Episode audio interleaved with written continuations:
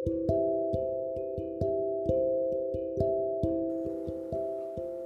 teman-teman sekalian, selamat datang kembali di channel Amelia Xiao. Saya Sinta Amelia. Pada kesempatan lalu, kita sudah membahas mengenai landasan pemikiran TCM yang pertama, yakni Zhengti Guannian. Kali ini, kita masuk ke landasan pemikiran yang kedua, Bianzheng Lunzhi. Jika Zhengti Guannian membicarakan mengenai cara pandang, maka Bianzheng Lunzhi membicarakan soal prinsip diagnosa dan terapi. Inilah kekhasan dalam TCM.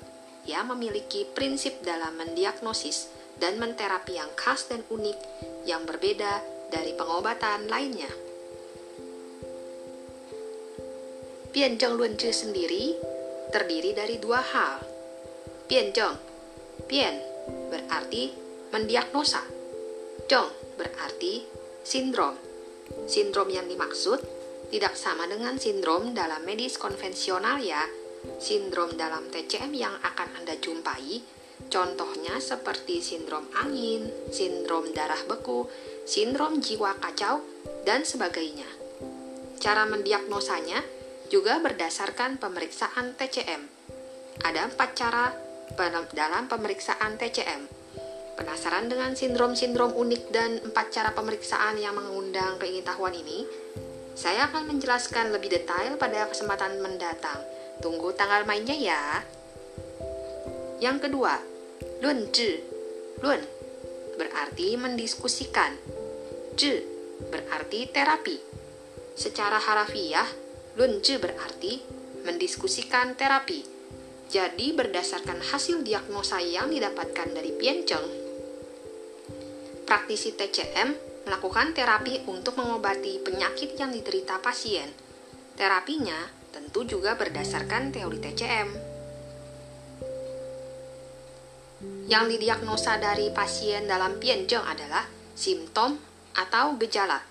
Biasanya berupa keluhan pasien atau alasan pasien berobat dan gejala fisik yang ditunjukkannya.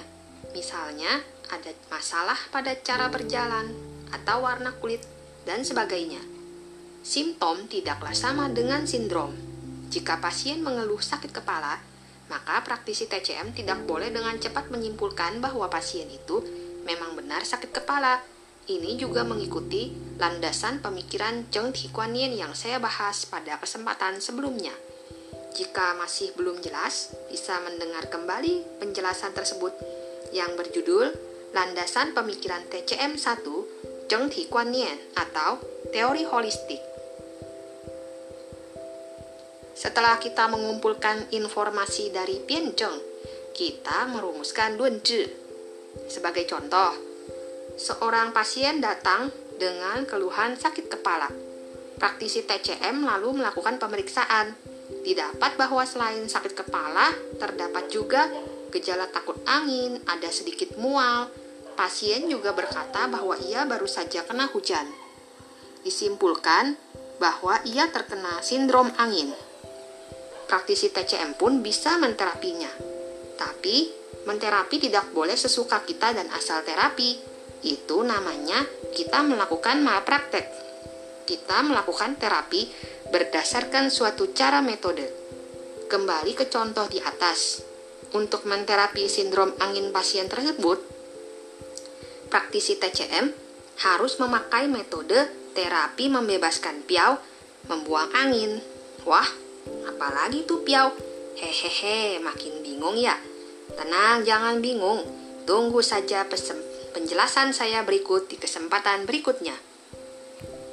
Sesudah tahu metode terapinya, barulah praktisi TCM bisa menterapi pasien.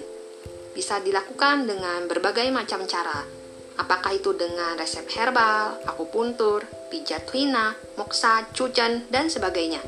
Namun, terapi harus dilakukan berdasarkan hasil pianzheng lunzi yang didapat dan berdasar apa yang dibutuhkan pasien.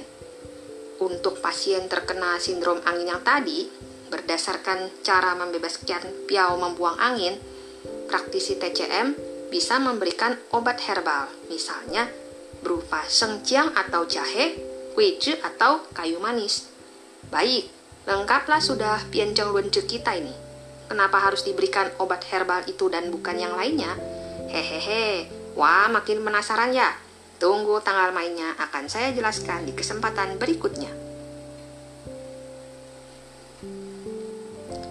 Dalam TCM juga dikenal istilah penyakit sama, terapi berbeda, dan penyakit berbeda, terapi sama. Jadi, apakah artinya istilah-istilah itu? Satu, Penyakit sama, terapi berbeda. Misalnya, pasien A dan pasien B sama-sama mengeluh sakit kepala. Tetapi, sesudah melakukan piancang lunce, ternyata didapatkan hasil pasien A terkena sindrom angin, pasien B terpajan sindrom panas. Terapi pun menjadi berbeda. Nomor 2, penyakit berbeda, terapi sama. Misalnya, pasien A mengeluh sakit kepala sedangkan pasien B mengeluh otot wajah kaku. Tetapi sesudah melakukan pianjang luenje ternyata didapatkan hasil bahwa keduanya sama-sama terkena sindrom angin. Maka A dan B diberikan terapi yang sama. Wah, ternyata pianjang luenje sangat penting ya. Jika tidak mengacu pada pianjang luenje, pasti maaf, praktisi TCM riskan sekali salah menterapi. Akibatnya pasien yang harusnya sembuh malah penyakitnya semakin parah. Untuk bisa mengamalkan Pianjeng Lunje dengan baik, praktisi TCM harus mempelajari dengan sungguh-sungguh semua ilmu teori-teori TCM Niscaya akan menjadi praktisi TCM yang handal dan berguna bagi banyak orang. Demikian penjelasan tentang Pianjeng Lunje kali ini. Terima kasih telah mendengarkan penjelasan saya dan mohon maaf jika ada penjelasan yang kurang berkenan. Sampai jumpa pada kesempatan berikutnya. 谢谢你的关注。后会有期。